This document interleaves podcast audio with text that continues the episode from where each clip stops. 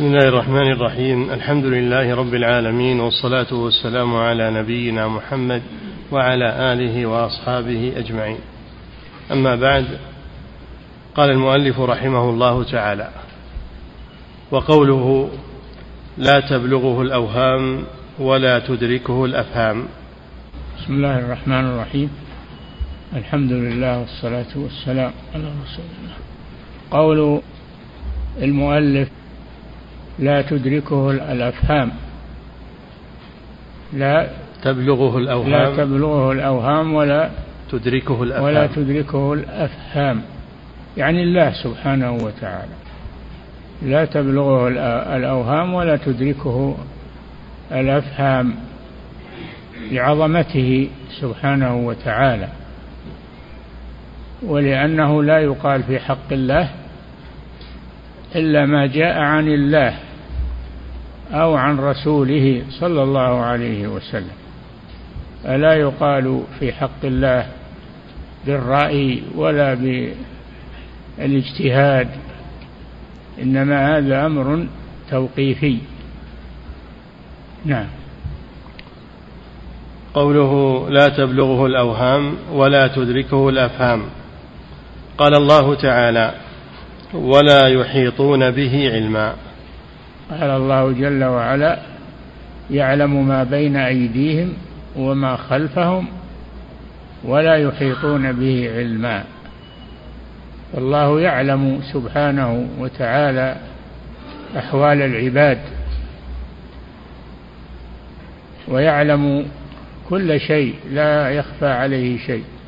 إن الله لا يخفى عليه شيء في الأرض ولا في السماء. والله بكل شيء عليم. أما العباد فإنهم لا يحيطون بالله علما لعظمته سبحانه وتعالى فلا يقال عن الله إلا ما جاء عن الله أو عن رسول الله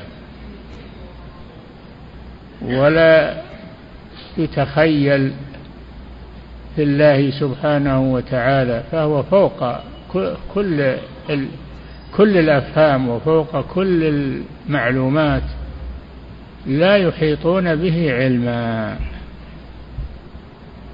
يعلم ما بين أيديهم يعني ما سبقهم وما خلفهم يعني ما يأتي بعدهم. وهم لا يحيطون به علما. فالله محيط علمه بالماضي والمستقبل وبكل شيء. وأما المخلوق فلا يعلم إلا ما علمه الله. ما جاء عن الله أو عن رسول الله صلى الله عليه وسلم خصوصا في حق الله جل وعلا لعظمته وجلاله. لا تحيط به العقول والأفهام. نعم. قال في الصحاح توهمت الشيء ظننته. قال في الصحاح للجوهري. الصحاح كتاب للجوهري في اللغة العربية. قال في الصحاح قال في الصحاح توهمت الشيء ظننته. وفهمت الشيء علمته. إيه. فمراد الشيخ رحمه الله. في فرق بين ظننت وعلمت. ظننت وعلمت. فالظن يخطئ ويصيب. أما العلم الثابت عن الله ورسوله فإنه صواب لا خطأ فيه. نعم. قال في الصحاح توهمت الشيء ظننته وفهمت الشيء علمته. فمراد الشيخ رحمه الله أنه لا ينتهي إليه وهم ولا يحيط به علم. لعظمته سبحانه وتعالى. نعم. قيل الوهم ما يرجى كونه أي يظن أنه على صفة كذا والفهم هو ما يحصله العقل ويحيط به. نعم. والله سبحانه وتعالى لا يعلم كيف هو إلا هو سبحانه وتعالى. ولذلك لا يوصف إلا بما وصف به نفسه أو وصفه به رسوله صلى الله عليه وسلم. لا تأتي بوصف من عندك لله عز وجل. نعم. والله تعالى لا يعلم كيف هو إلا هو سبحانه وتعالى وإنما نعرفه سبحانه بصفاته. وهو نعرف الله سبحانه بصفاته التي ذكرها لنا أو ذكرها لنا رسوله صلى الله عليه وسلم. فنعرفه بما وصف به نفسه أو وصفه به رسوله صلى الله عليه وسلم. أنه بكل شيء عليم وبكل شيء محيط وأنه على كل شيء قدير وأنه هو السميع العليم. هذا الذي نعرفه عن الله كما جاء عن الله عز وجل أو عن رسوله صلى الله عليه وسلم. نعم. وإنما نعرفه سبحانه بصفاته وهو أنه أحد صمد لم يلد ولم يولد ولم يكن له كفوا أحد. كما في سورة الإخلاص كما في سورة الإخلاص. لما قال المشركون للرسول صلى الله عليه وسلم انسب لنا ربك. فأنزل الله هذه السورة قل هو الله أحد الله الصمد لم يلد ولم يولد ولم يكن له كفوا أحد. الله أحد لا شريك له سبحانه وتعالى. الله الصمد الذي تصمد إليه الخلائق وتقصده بحوائجها تقصده بحوائجها. لم يلد ولم يولد. ليس له ولد سبحانه لأن الولد شبيه لأبيه والله لا شبيه له ولأن الولد جزء من الوالد. والله جل وعلا ليس له جزء منفصل عنه سبحانه وتعالى. قال تعالى وجعلوا له من عباده جزءا يعني ولدا. إن الإنسان لكفور مبين. الولد جزء وبعض من والده. نعم. وإنما نعرفه سبحانه بصفاته وهو أنه أحد صمد لم يلد ولم يولد ولم لم يلد ولم يولد. ليس له بداية ولا نهاية. نعم. ولم يكن له كفوا أحد. ولا أحد يشابهه سبحانه وتعالى. نعم.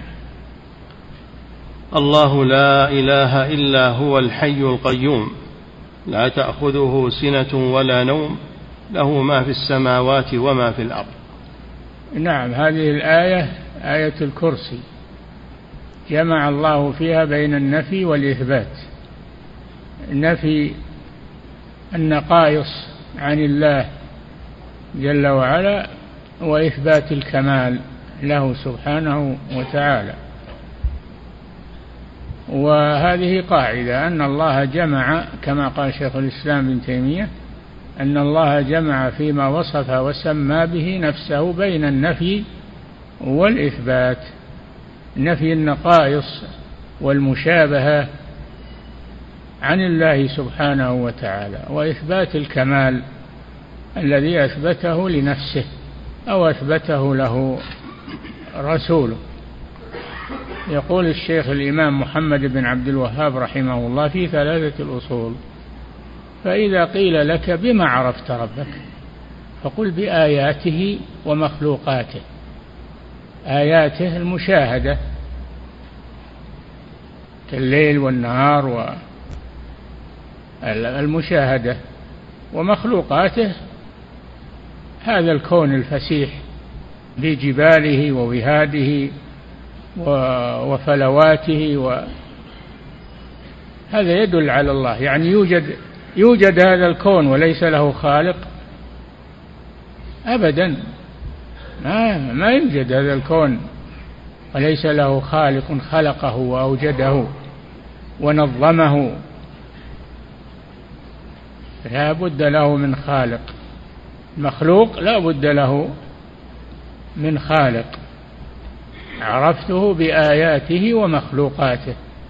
آياته الليل والنهار مخلوقاته الشمس والقمر والأرض والجبال. هذه مخلوقات الله جل وعلا. هذا خلق الله. فأروني ماذا خلق الذين من دونه. نعم. الله لا إله إلا هو الحي القيوم. لا الله, الله لا إله إلا هو. أي لا معبود الإله معناه المعبود. لا إله أي لا معبود بحق سواه. لا تقل لا معبود سواه. قل لا معبود بحق. لا معبود بحق سواه. وإلا هناك معبودات كثيرة لكن كلها معبودة بغير حق. فهي باطلة. لا إله إلا هو. الحي القيوم. الحي هذه صفة ذات له الحياة سبحانه التي لا يعتريها نوم ولا ولا نعاس ولا موت ولا زوال. الحي القيوم. وفي قراءة القيام القيوم والقيام الذي يقوم بمخلوقاته ويصلحها ويوجدها ويوجد لها ما يبقيها. نعم. لا تأخذه سنة ولا نوم. يقولون الحي هذا ترجع إليه الصفات الذاتية. ترجع إليها الصفات الذاتية. والقيوم ترجع إليها الصفات الفعلية. نعم. لا تأخذه سنة ولا نوم. والسنة مبادئ النوم. والنوم هو النوم المستغرق. نعم. له ما؟ لكمال حياته. لا تأخذه سنة ولا نوم لكمال حياته سبحانه وتعالى. نعم. لأن النوم موت. لأن النوم موت. وهو وفاة وهو الذي يتوفاكم بالليل. يعلم ما جرحتم في النهار. توفاكم بالليل بالنوم. النوم وفاة. وفاة صغرى. نعم. له ما في السماوات وما في الأرض. له ما في السماوات وما في الأرض. كله ملك له سبحانه وتعالى. لا يشاركه فيه أحد. إلا من ملكه الله سبحانه وتعالى هذا تمليك مؤقت. أما الملك المطلق الذي يدوم فهو لله سبحانه وتعالى. لمن الملك اليوم؟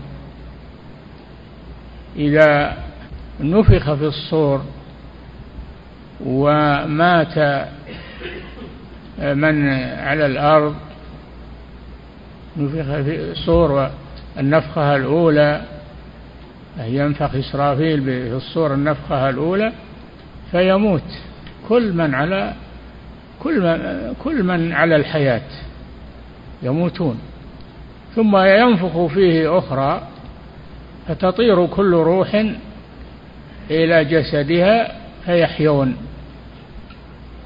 فإذا نفخ في الصور النفخة الأولى ولم يبقى أحد يقول الله جل وعلا لمن الملك اليوم؟ فلا يجيبه أحد ثم يجيب نفسه فيقول لله الواحد القهار ولا أحد ينازعه. نعم. وقوله تعالى هو الله الذي لا إله إلا هو الملك القدوس. الله هو الله الذي لا إله إلا هو أي لا معبود بحق سواه الملك الذي له الملك كله. له ملك السماوات والأرض. كل المخلوقات ملك له سبحانه وتعالى. له ملك السماوات والأرض. نعم. الملك القدوس. الملك القدوس. القدوس من التقديس وهو التنزيه أي المنزه عن النقائص والعيوب.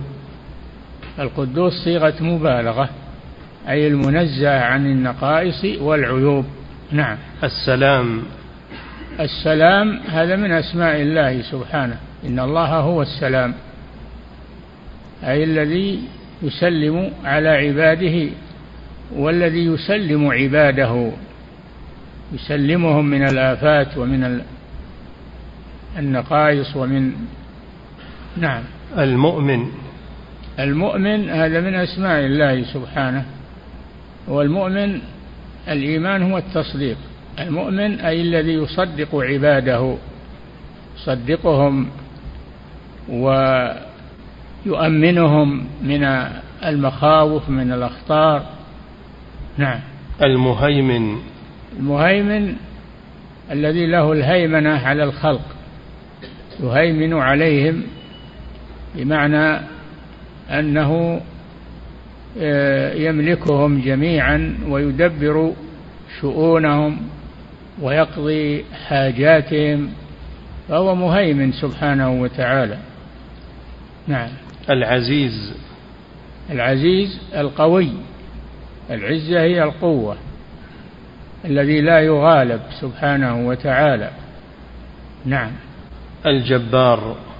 الجبار الذي يجبر المنكسرين إليه سبحانه وتعالى فهو الذي يجبر المنكسرين. نعم. المتكبر.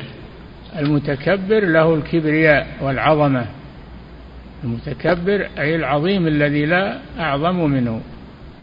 وجاء في الحديث القدسي الكبرياء الكبرياء آه، إزاري. العظمة إزاري والكبرياء ردائي فمن نازعني فيهما قصمته. نعم.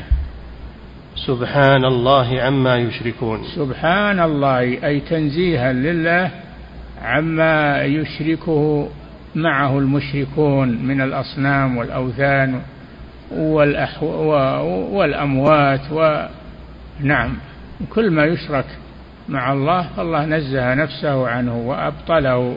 نعم. وهو الله الخالق. هو الله الخالق. ما أحد يخلق. ما أحد يخلق. الخلق الخلق لله عز وجل. هو الذي يخلق المخلوقات. أما نحن فإنما نملك بعض هذه المخلوقات وننتفع بها. وإلا فالخالق هو الله جل وعلا.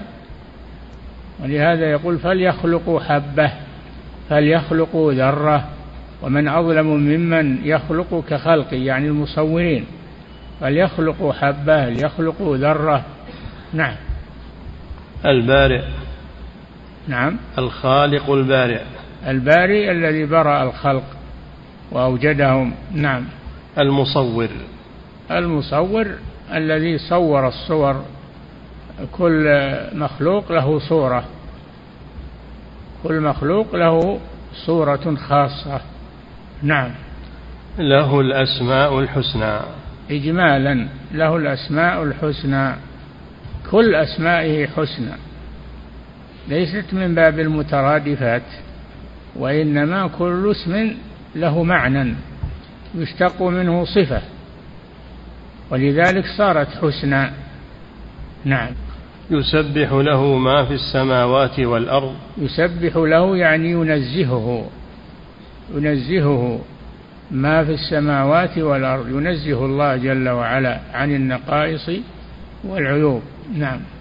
وهو العزيز الحكيم. وهو العزيز القوي الذي لا يغالب.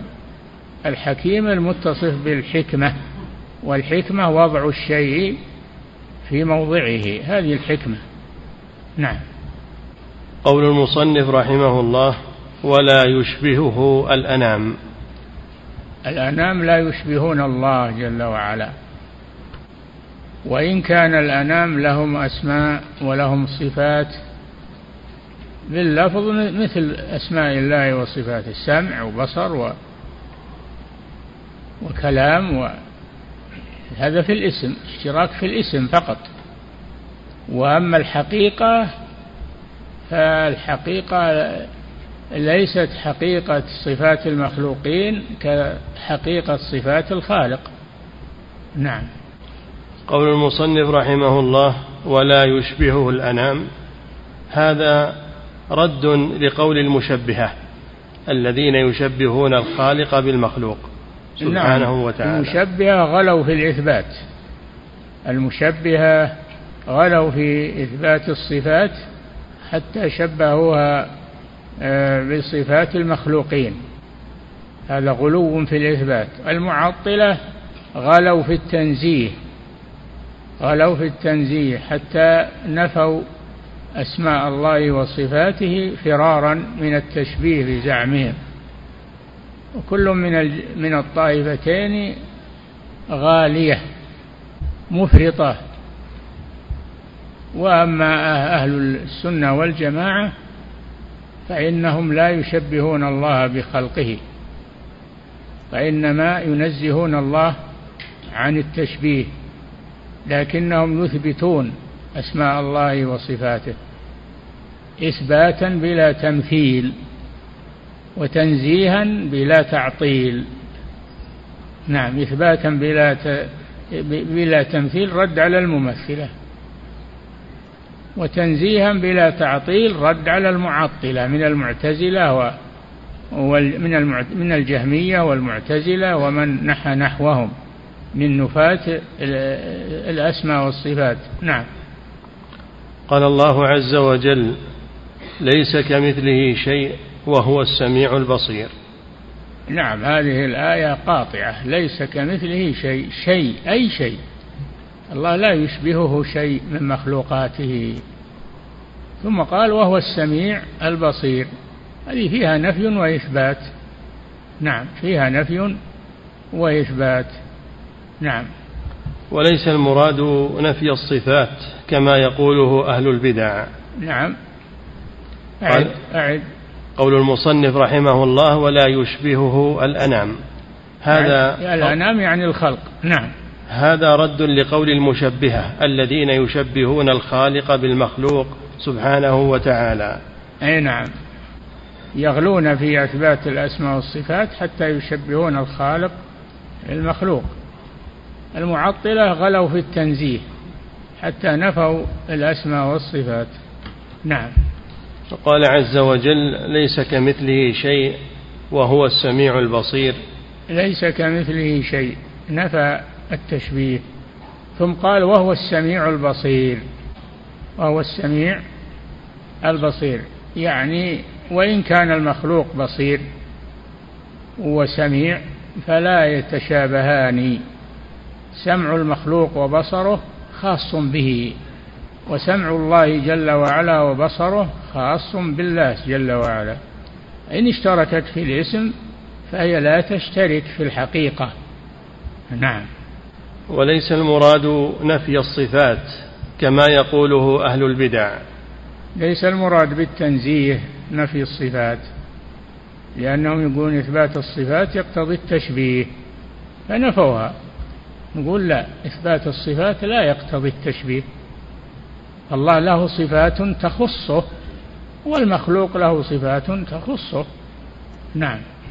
فمن كلام أبي حنيفة رحمه الله في الفقه الأكبر؟ آه، أبو حنيفة هو أقدم الأئمة الأربعة. يقال إنه أدرك بعض الصحابة فهو تابعي والراجح أنه من أتباع التابعين أنه أدرك التابعين وأخذ عنهم ولم يدرك الصحابة أدرك التابعين فهو أقدم الأئمة الأربعة. نعم. رحمه الله. نعم. فمن كلام أبي حنيفة رحمه الله في الفقه الأكبر. والفقه الأكبر كتاب له كتاب لأبي حنيفة في مطبوع وموجود وسمي الأكبر فرقا بينه وبين الفقه الأصغر الذي هو في في الأحكام والبيع والشراء ونحو ذلك. نعم. فمن كلام أبي حنيفة رحمه الله في الفقه الأكبر لا يشبه شيئا من خلقه ولا يشبهه شيء من خلقه. أي نعم. ثم قال بعد ذلك لا يشبه شيئا من خلقه ولا يشبهه شيء من خلقه. ثم قال بعد ذلك وصفاته كلها خلاف صفات المخلوقين. يعني خلافها في الحقيقة والكيفية وإن وافقتها في الاسم والمعنى. نعم. ثم قال بعد ذلك وصفاته كلها خلاف صفات المخلوقين يعلم لا كعلمنا. نعم. ويقدر لا كقدرتنا. نعم. ويرى لا كرؤيتنا. نعم. انتهى. نعم هذا كلام الإمام أبي حنيفة رحمه الله في كتابه الفقه الأكبر. نعم. وقال نعيم ابن حماد. رحمه الله. من شبه الله بشيء من خلقه فقد كفر. إي نعم خذوا الكلام هذا هذه قاعدة نعم. وقال نعيم بن حماد رحمه الله من شبه الله بشيء من خلقه فقد كفر ومن أنكر ما وصف الله به نفسه فقد كفر وليس فيما وصف الله به نفسه ولا رسوله تشبيه. هذه قاعدة عظيمة. نعم. وقال إسحاق ابن راهويه رحمه الله من وصف الله فشبه صفاته. بن راهويه الحنظلي معاصر للإمام أحمد. نعم. وقال إسحاق ابن راهويه رحمه الله من وصف الله فشبه صفاته بصفات أحد من خلق الله فهو كافر بالله العظيم. نعم. وقال علامة جهم وأصحابه. دعواهم الجهم بن صفوان إمام الجهمية. إمام الجهمية. نعم.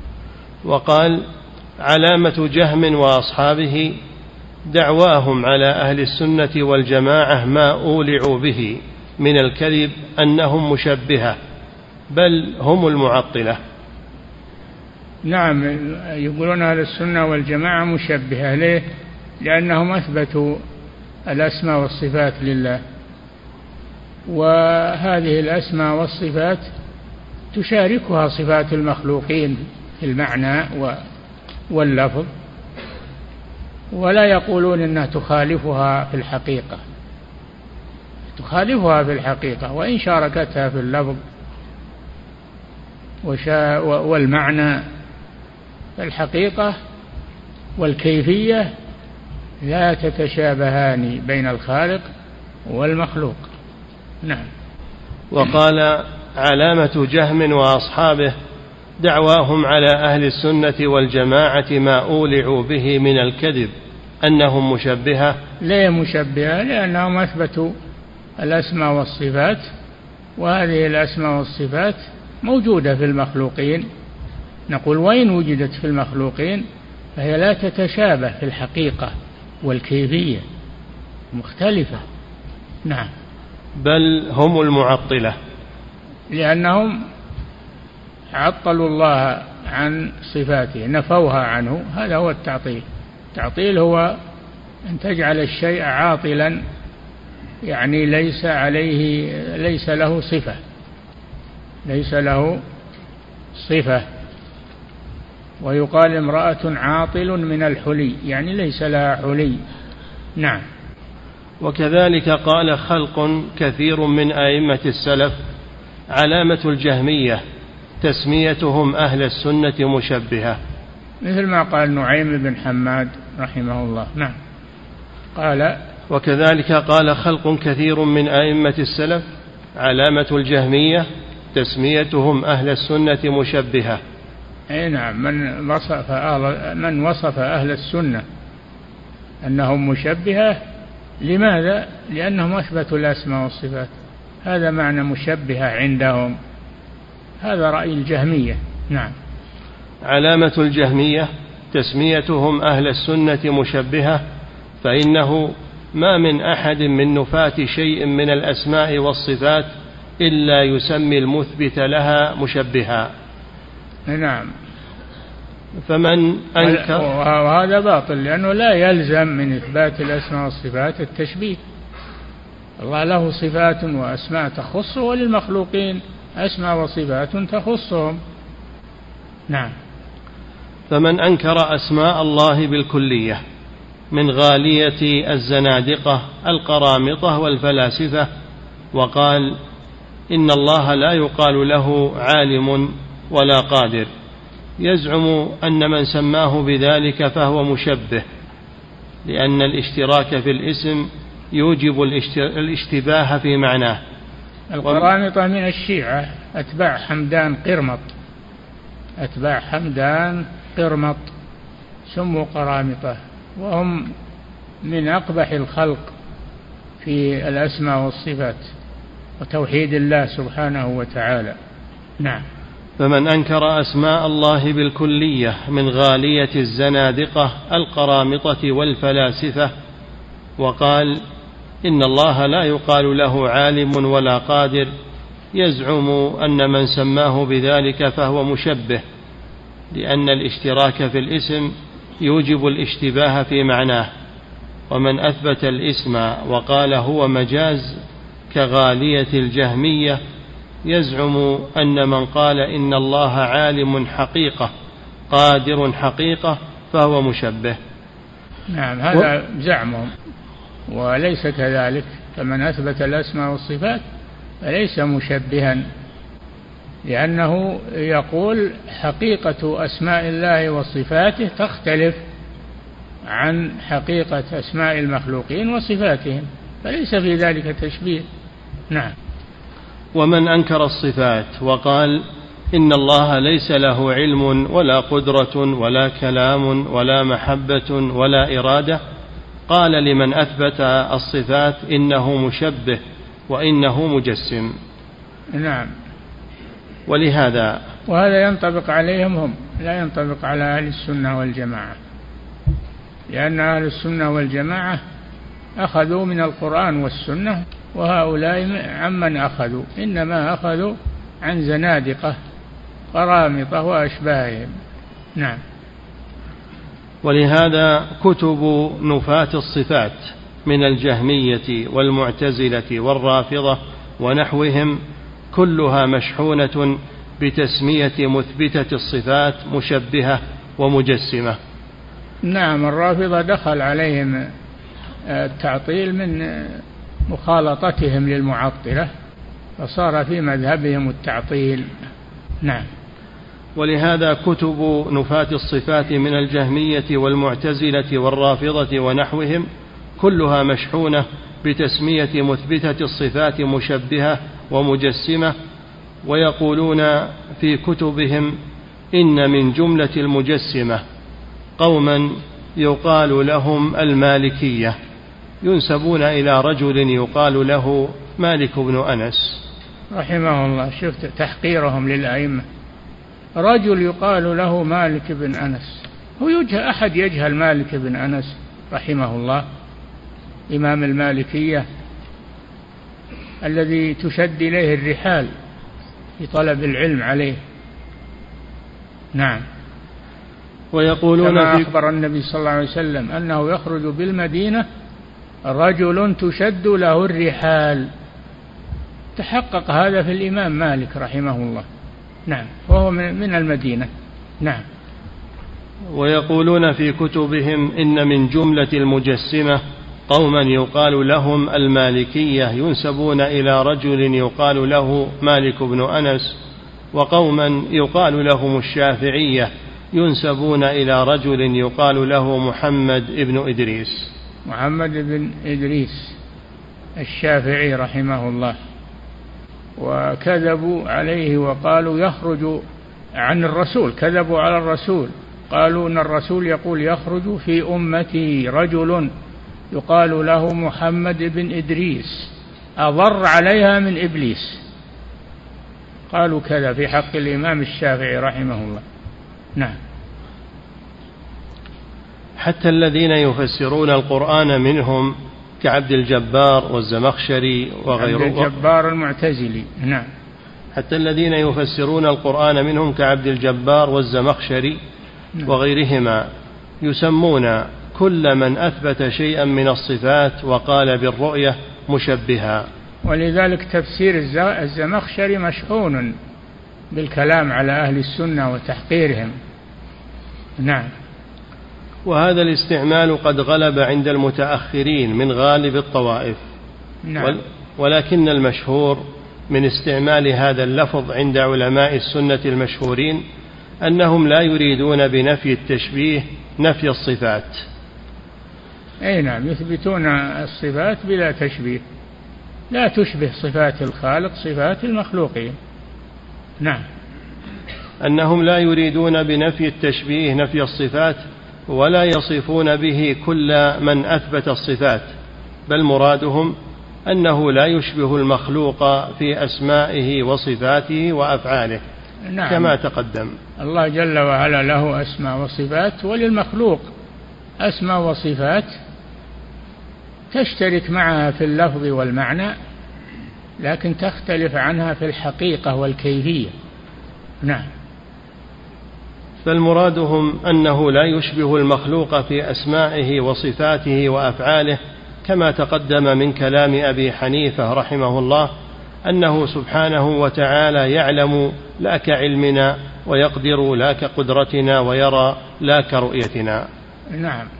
وهذا معنى قوله تعالى ليس كمثله شيء وهو السميع البصير. فنفى نعم وهو السميع البصير. أثبت السمع والبصر. والمخلوق له سمع وبصر فدل على أنه لا تشابه بين صفات المخلوق وصفات الخالق. نعم.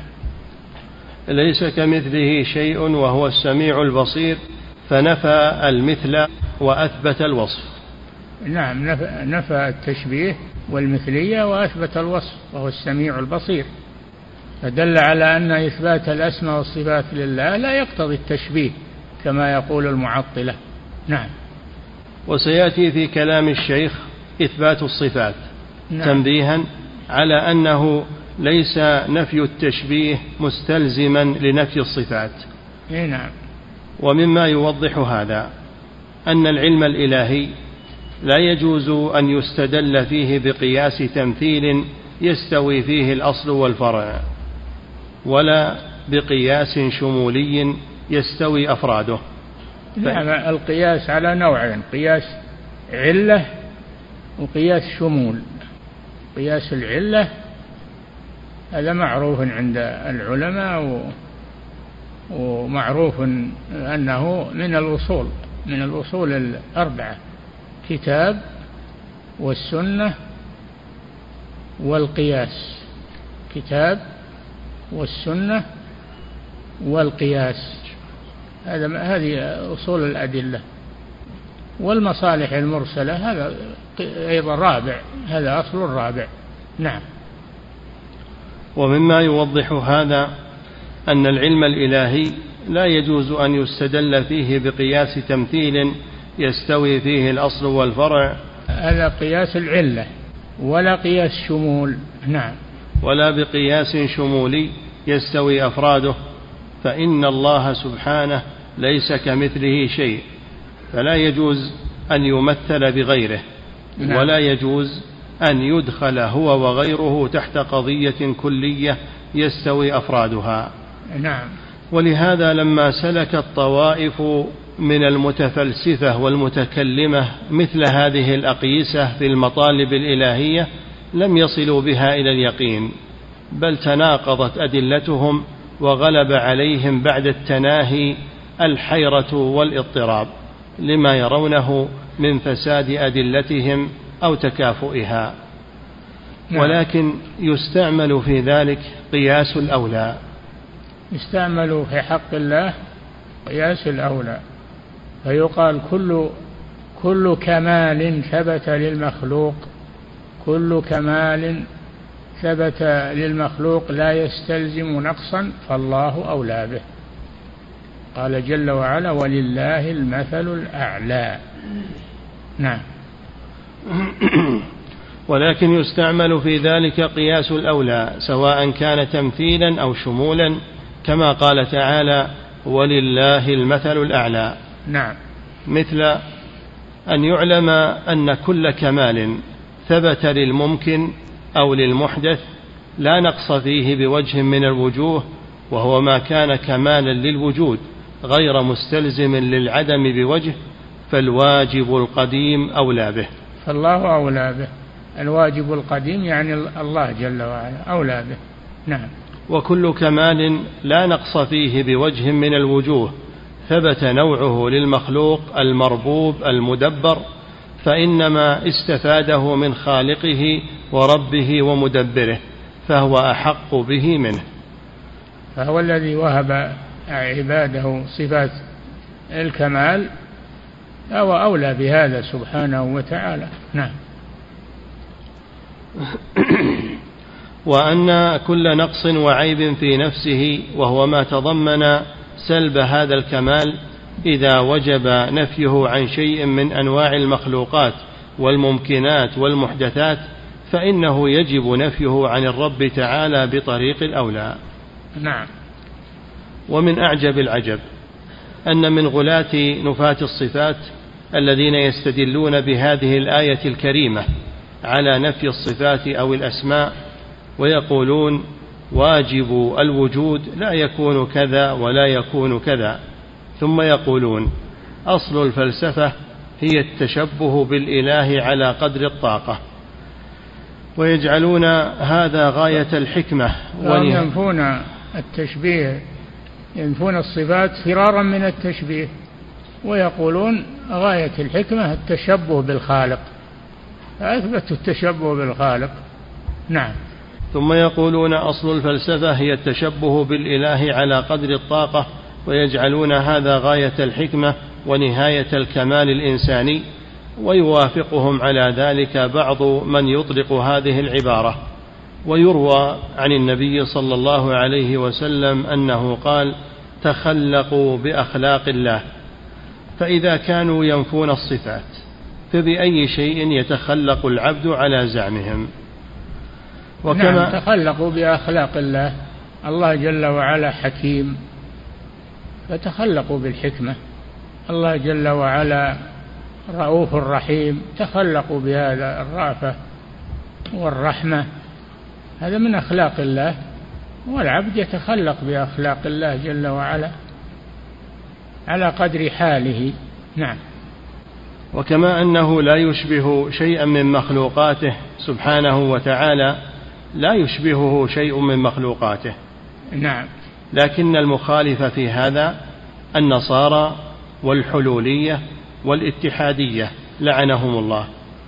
النصارى معلوم هما النصارى أن يزعمون أنهم يتبعون عيسى ابن مريم عليه السلام. والثاني؟ الحلولية. الحلولية الذين يقولون إن الله حال في كل مكان ليس في السماء ولا على العرش. إنما هو حال في كل مكان. هؤلاء الحلولية وهم كفرة. نعم. والاتحادية. الاتحادية الذين هذا الأشد الاتحادية اللي يزعمون أن أن الله جل وعلا أن الله جل وعلا حال في مخلوقاته متحد فيها. نعم. وكما أنه لا يشبه شيئا من مخلوقاته سبحانه وتعالى لا يشبهه شيء من مخلوقاته. لكن المخالف في هذا النصارى والحلولية والاتحادية لعنهم الله. نعم. ونفي مشابهة شيء من مخلوقاته له. مستلزم لنفي مشابهته لشيء من مخلوقاته. ونفي ونفي مشابهة شيء من مخلوقاته له. نعم. مستلزم لنفي مشابهته لشيء من مخلوقاته. فلذلك اكتفى الشيخ رحمه الله بقوله ولا يشبه الأنام نعم. والأنام الناس. ولم يقل ولا يشبهه الأنام اكتفى بقوله الله لا يشبه الأنام نعم يلزم من هذا أن الأنام أيضا لا يشبهون الله. نعم. ولا يشبه الأنام والأنام الناس وقيل الخلق كلهم وقيل كل ذي روح وقيل الثقلان. وظاهر قوله سبحانه والأرض وضعها للأنام يشهد للأول أكثر من الباقي والله أعلم. والأول ما هو؟ الناس. الناس الأنام الناس نعم. قول المصنف رحمه الله حي لا يموت قيوم لا ينام. نعم. قال تعالى الله لا إله إلا هو الحي القيوم لا تأخذه سنة ولا نوم. فالحي لا يموت سبحانه وتوكل على الحي الذي لا يموت. الحي القيوم القيوم الذي يقوم بأحوال عباده يرزقهم ويعطيهم ويحفظهم ويقوم بأمور عباده سبحانه وتعالى. نعم. لا تأخذه سنة ولا نوم فنفي السنة والنوم دليل على كمال حياته وقيوميته. نعم. وقال تعالى بسم الله الرحمن الرحيم ألف لام ميم الله لا إله إلا هو الحي القيوم. نزل عليك الكتاب بالحق مصدقا لما بين يديه وأنزل التوراة والإنجيل. نعم الحي القيوم. الحي الذي لا يموت. القيوم الذي يقوم بما يصلح عباده ويبقي هذا الكون ويحفظه ويمده. هذا هو الله جل وعلا. نعم الحي هذا الحي هذه صفة آه، صفة الذات. والقيوم هذه صفة آه، هذه القيوم هذه صفة الأفعال. هو القائم بأمور عباده. نعم. وقال تعالى وعنت الوجوه للحي القيوم. عنت الوجوه هذا يوم القيامة فلا تسمع إلا همسا عنت الوجوه يعني قصدت. عنت يعني قصدت للحي القيوم وهو الله سبحانه. فلا تسمع إلا همسا انقطع الكلام. وإنما يتهامسون بينهم. همسا مما أصابهم من الروع ما أصابهم من الشدة عند قيام الساعة. نعم. وعنت الوجوه للحي القيوم وقال تعالى وتوكل على الحي الذي لا يموت. توكل على الحي الذي لا يموت الحي الحياة الكاملة التي لا يعتريها الموت وإلا هناك حي يموت وهو المخلوق حي لكنه يموت أما الله جل وعلا فإنه حي لا يموت. نعم. وتوكل على الحي الذي لا يموت وسبح بحمده وكفى به بذنوب عباده خبيرا. نعم. وقال تعالى هو الحي لا إله إلا هو. نعم. وقال صلى الله عليه وسلم إن الله لا ينام ولا ينبغي له أن ينام. الحديث. نعم الحديث ثابت عن الرسول صلى الله عليه وسلم. إن الله لا ينام ولا ينبغي له أن ينام لأنه قائم على الخلق. فلو تعالى الله عن ذلك لو نام لاضطرب الكون وفسد الكون. نعم. لما نفى الشيخ رحمه الله التشبيه أشار إلى ما تقع به التفرقة بينه وبين خلقه بما يتصف به تعالى دون خلقه فمن ذلك أنه حي لا يموت. والخلق يموتون. نعم.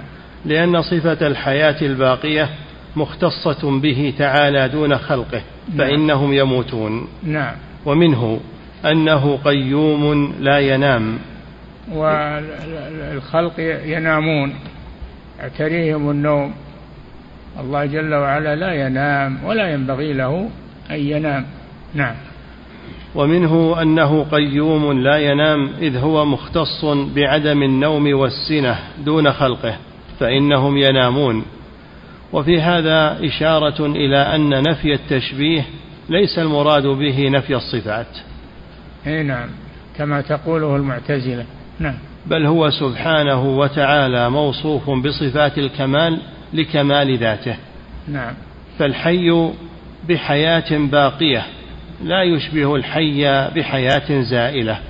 هو المخلوق. نعم. ولهذا كانت الحياة الدنيا متاعا ولهوا ولعبا وإن الدار الآخرة لهي الحيوان. الحياة الكاملة. الحيوان يعني الحياة الكاملة. نعم. فالحياة الدنيا كالمنام والحياة الآخرة كاليقظة.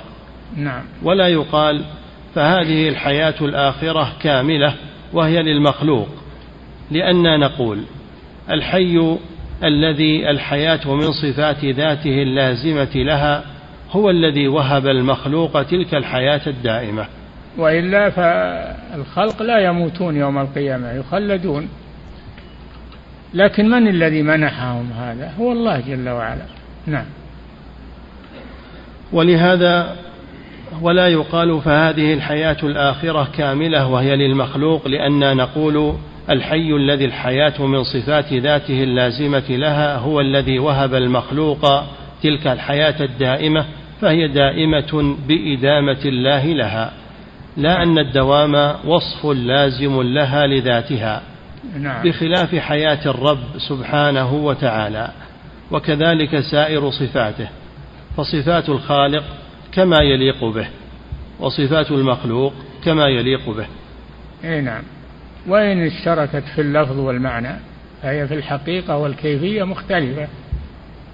وهذه قاعدة عظيمة. نعم. واعلم أن هذين الاسمين أعني الحي القيوم. يكفي نقف عندها واعلم. نعم.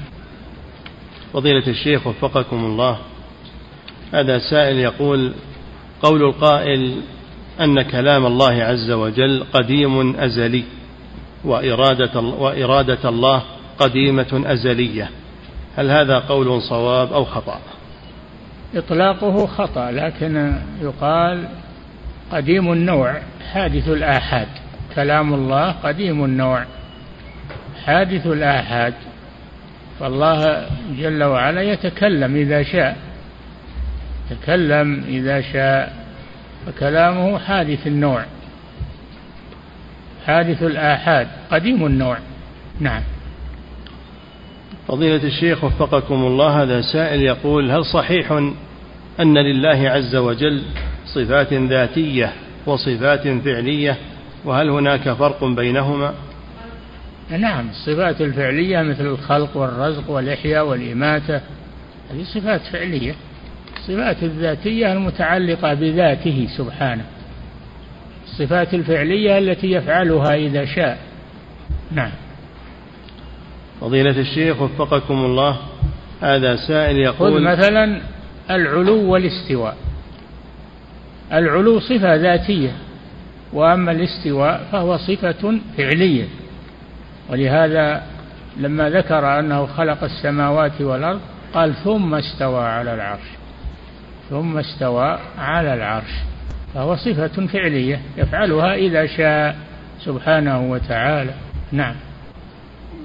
فضيلة الشيخ وفقكم الله هل ورد أن اسم الله الأعظم الذي إذا دعي به أجاب وإذا سئل به أعطى أنه هو الحي القيوم؟ نعم ورد هذا. أنه الحي القيوم. نعم.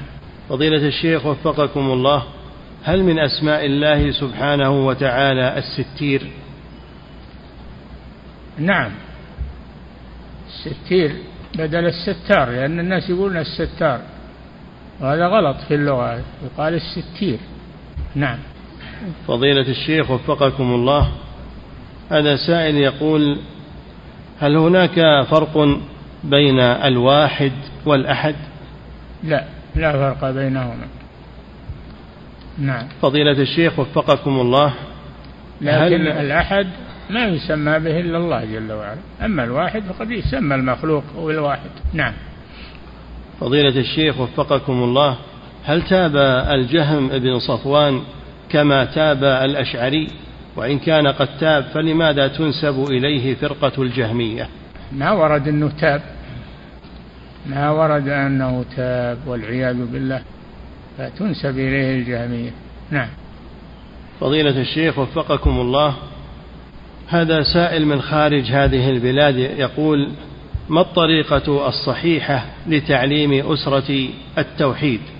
فإنهم لا يريدون دراسته دائما ويقولون قد فهمناه قد فهمناه. فما الطريق في ذلك؟ الطريق في ذلك تسألهم.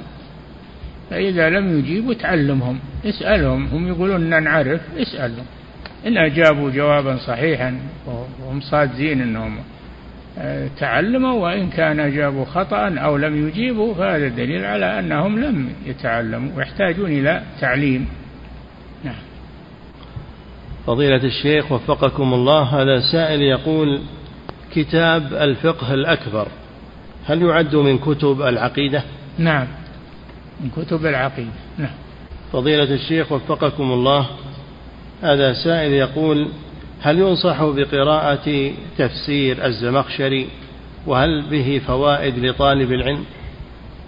ما يقرأ به إلا المتمكن المتمكن في العلم ومعرفة العقيدة. وإلا إذا قرأ فيه وهو جاهل ربما أنه يعجب بكلام الزمخشري ويعتنقه ويظنه حقا. نعم. فضيلة الشيخ وفقكم الله هذا سائل يقول هل من تأول صفات الله عز وجل وخالف ما جاء في الكتاب والسنة هل من تأول صفات الله عز وجل وخالف ما جاء في الكتاب والسنة؟ يقال بأنه مبتدع ولا يوصف بأنه من أهل السنة والجماعة؟ نعم ما يوصف بأنه من أهل السنة والجماعة. وإنما يوصف بأنه من المعتزلة أو من الأشاعرة أو من الجهمية على حسب ما يصدر منه. نعم.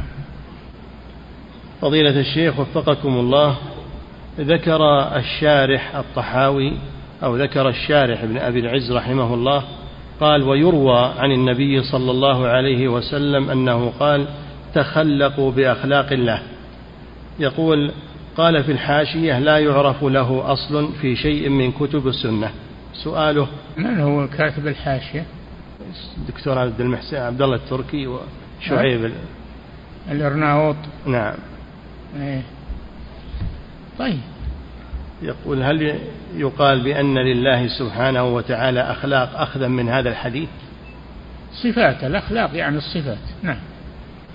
فضيلة الشيخ وفقكم الله هذا سائل يقول النوم في حق المخلوق كمال لأنه لو لم ينم كان مريضا. صحيح. فهل نقول كل كمال ثبت في حق المخلوق؟ لا يستلزم نقصا. لازم القيد. كل كمال للمخلوق لا يستلزم نقصا. النوم كمال للمخلوق لكنه يستلزم النقص. فلا ينسب إلى الله عز وجل. كل كمال ثبت للمخلوق لا يستلزم نقصا فالله أولى به. هذه القاعدة. نعم. فضيلة الشيخ وفقكم الله هذا سائل يقول هل هناك فرق بين مخلوقات الله وآيات الله؟ الآيات قد تكون الآيات المعنوية مثل الليل والنهار. والمخلوقات مثل الجبال ومثل الشمس والقمر. نعم. فضيلة الشيخ وفقكم الله هل يجوز أن يطلق على الله سبحانه هذا اللفظ أنه واجب الوجود؟ يعني ما يوصف الله بأنه واجب الوجود من باب الصفة لكن يخبر عنه إخبار يخبر عنه بأنه واجب الوجود يعني لم يوجده غيره. نعم. فضيلة الشيخ وفقكم الله هذه الفرق وهي الجهمية والاتحادية والحلولية هل يحكم على أصحابها بالكفر؟ إذا تعمدوا هذا الشيء واقتنعوا به يحكم عليهم أما إذا قلدوا إذا كانوا مقلدين لغيرهم يحكم عليهم بالضلال. نعم في فرق بين بين المقلد والعالم الذي يأتي الشيء عن علم وعن عقيدة. نعم. فضيلة الشيخ وفقكم الله هذا سائل يقول كيف أتعامل مع والدي الذي يقول إن هذا الخلاف في باب الأسماء والصفات لا يسبب اختلافا جوهريا بين طوائف المسلمين؟ بين له بين هذا جاهل. بين له. إن هذا الكلام يخالف ما عليه أهل السنة والجماعة وهذا يوجب الاختلاف بين أهل الضلال وأهل الحق هم كلهم سواء. نعم. فضيلة الشيخ وفقكم الله هل صحيح أن كل معطل مشبه وكل مشبه معطل؟ ما أعلم هذا. من قال هذا؟ نعم. فضيلة الشيخ وفقكم الله هذا السائل يقول هل القرامطة موجودون في هذا العصر؟ أنا ما أعرفهم أن تبحث عنهم. نعم. فضيلة الشيخ وفقكم الله هذا سائل يقول توحيد القصد والإرادة هل يدخل ضمن أقسام التوحيد الثلاثة؟ أه؟ توحيد القصد والإرادة هل هو داخل ضمن أقسام التوحيد الثلاثة أو هو قسم رابع؟ كيف توحيد القصد والإرادة؟ توحيد القصد نعم يقصده الخلائق بحوائجهم أما الإرادة ما أدري إيش المطلوب منه. نعم. فضيلة الشيخ وفقكم الله هل ورد أن الصلاة على النبي صلى الله عليه وسلم أنها مزيلة للهم والأحزان؟ نعم. هل ورد أن الصلاة على النبي صلى الله عليه وسلم أنها مزيلة للهم والأحزان؟ والله ما أدري. نعم. فضيلة الشيخ وفقكم الله تقديم اليدين على الركبتين في السجود يقول ما الصحيح في هذه المسألة؟ وهل ينكر على من فعل شيئا من هذه الصفات؟ نعم منهي عن بروك كبروك البعير؟ والبعير أول ما يرد الأرض مقدمه عند البروك أول ما يرد الأرض مقدمه. وعند القيام أول ما يرتفع مؤخره. فالإنسان لا يتشبه بالحيوانات خصوصا في الصلاة. فأول ما ينزل على الأرض الركبتان ثم يضع يديه عليهما. إذا كان قويا أما إذا كان يحتاج إلى وضع يديه قبل ركبتيه يحتاج لمرض أو لكبر فلا بأس.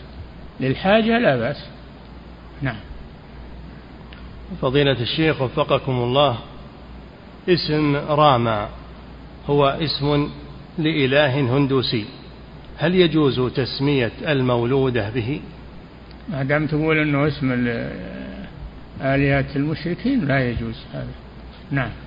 فضيلة الشيخ وفقكم الله هذا مدرس يسأل فيقول هل يجوز لنا أن نأكل من الطعام الذي يكون في حفل يقيمه الطلاب على حسابهم؟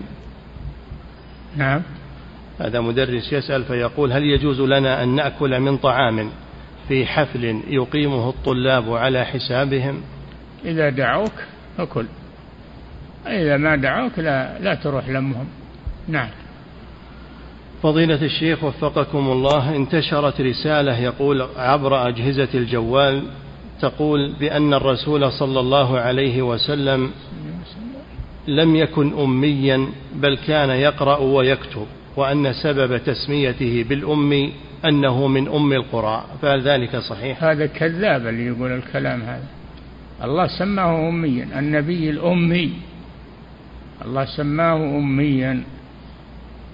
فآمنوا بالله ورسوله. النبي أليش؟ الأمي.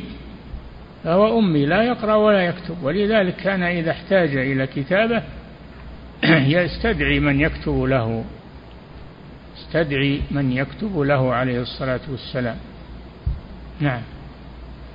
فضيلة الشيخ وفقكم الله أحيانا عند رقية من به مس من الجن يتكلم هذا الجني ويقول سبب دخولي بك هو فلان الفلاني وهو الذي سحرك إلى آخره.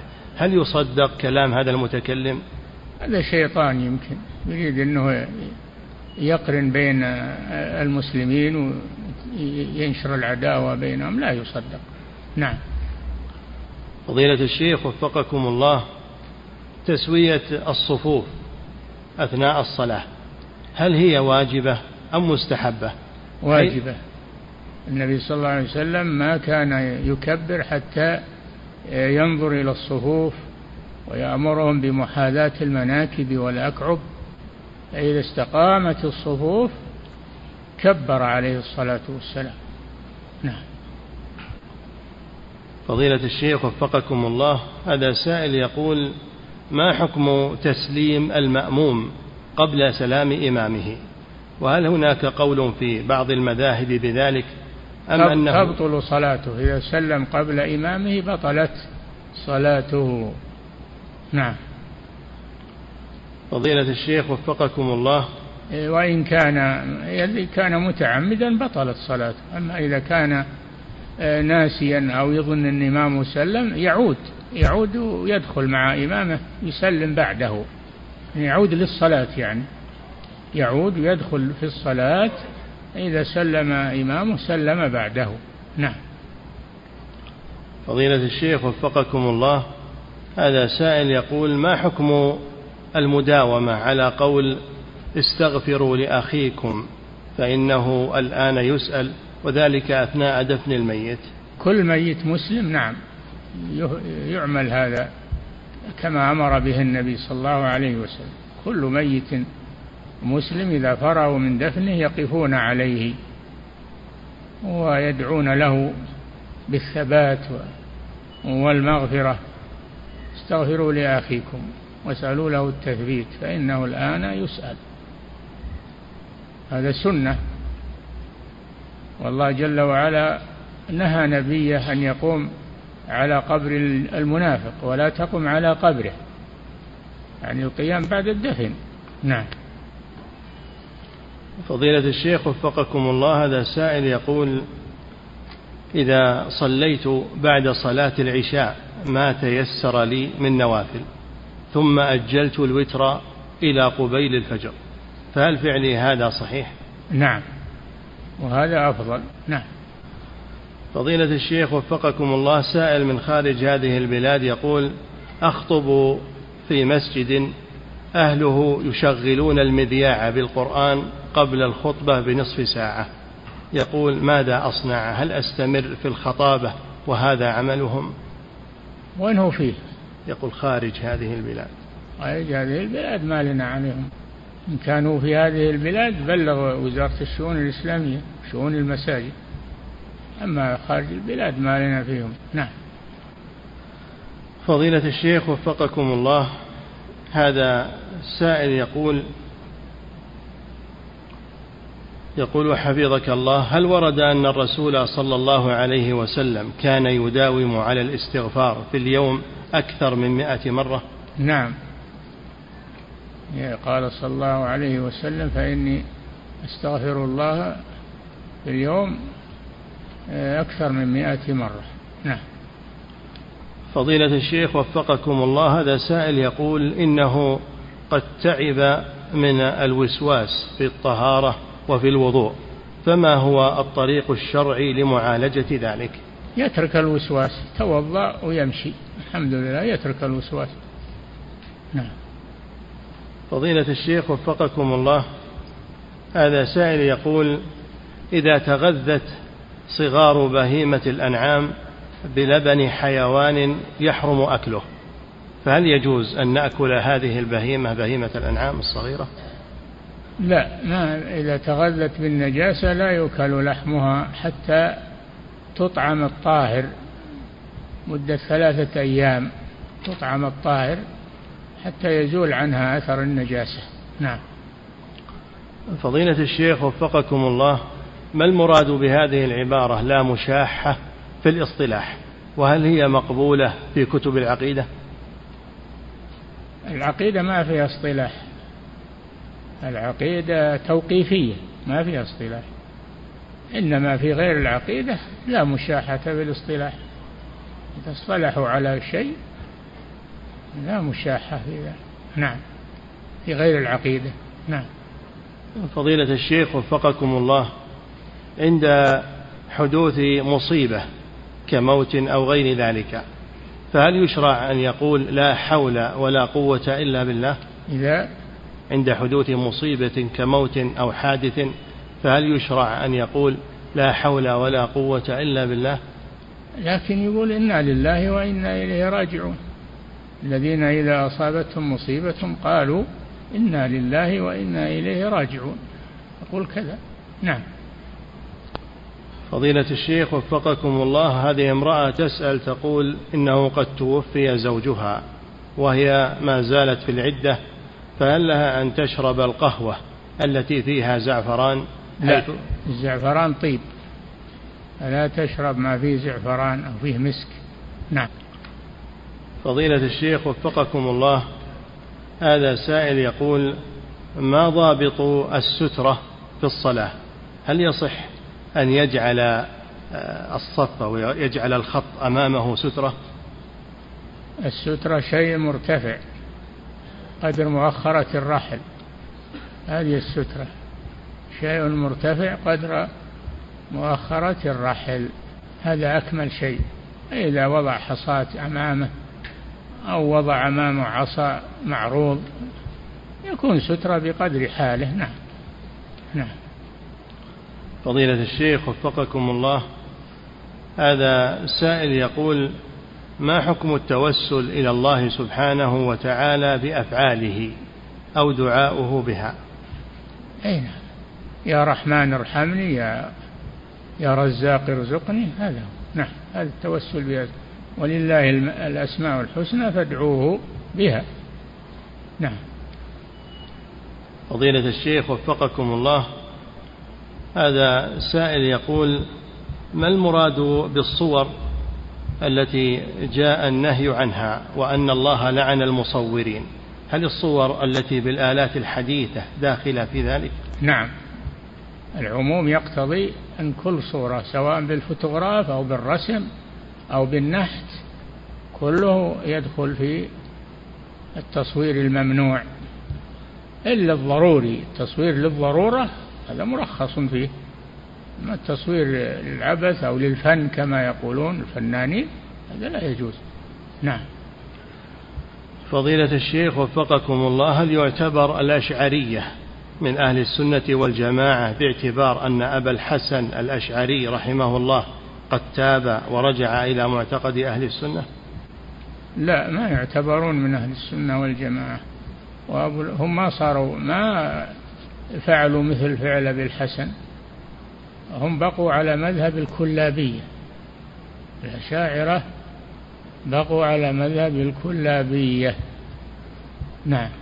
وليسوا على مذهب ابي الحسن الأشعري. نعم. فضيلة الشيخ وفقكم الله هذا سائل يقول ما المقصود بمرجئة الفقهاء؟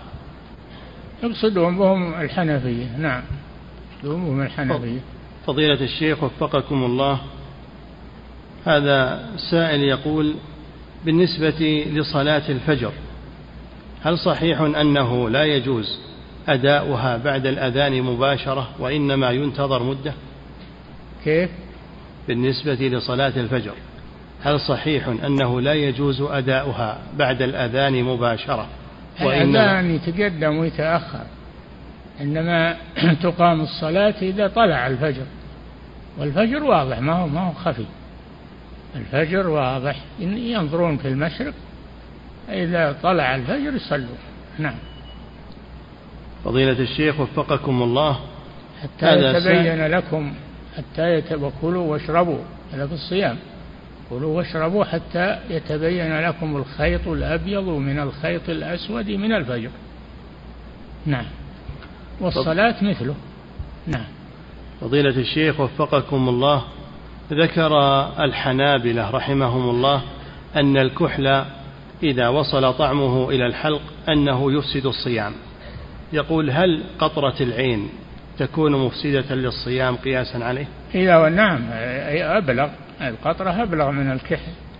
إذا وجد طعمها في حلقه فإنها تبطل صيامه. نعم.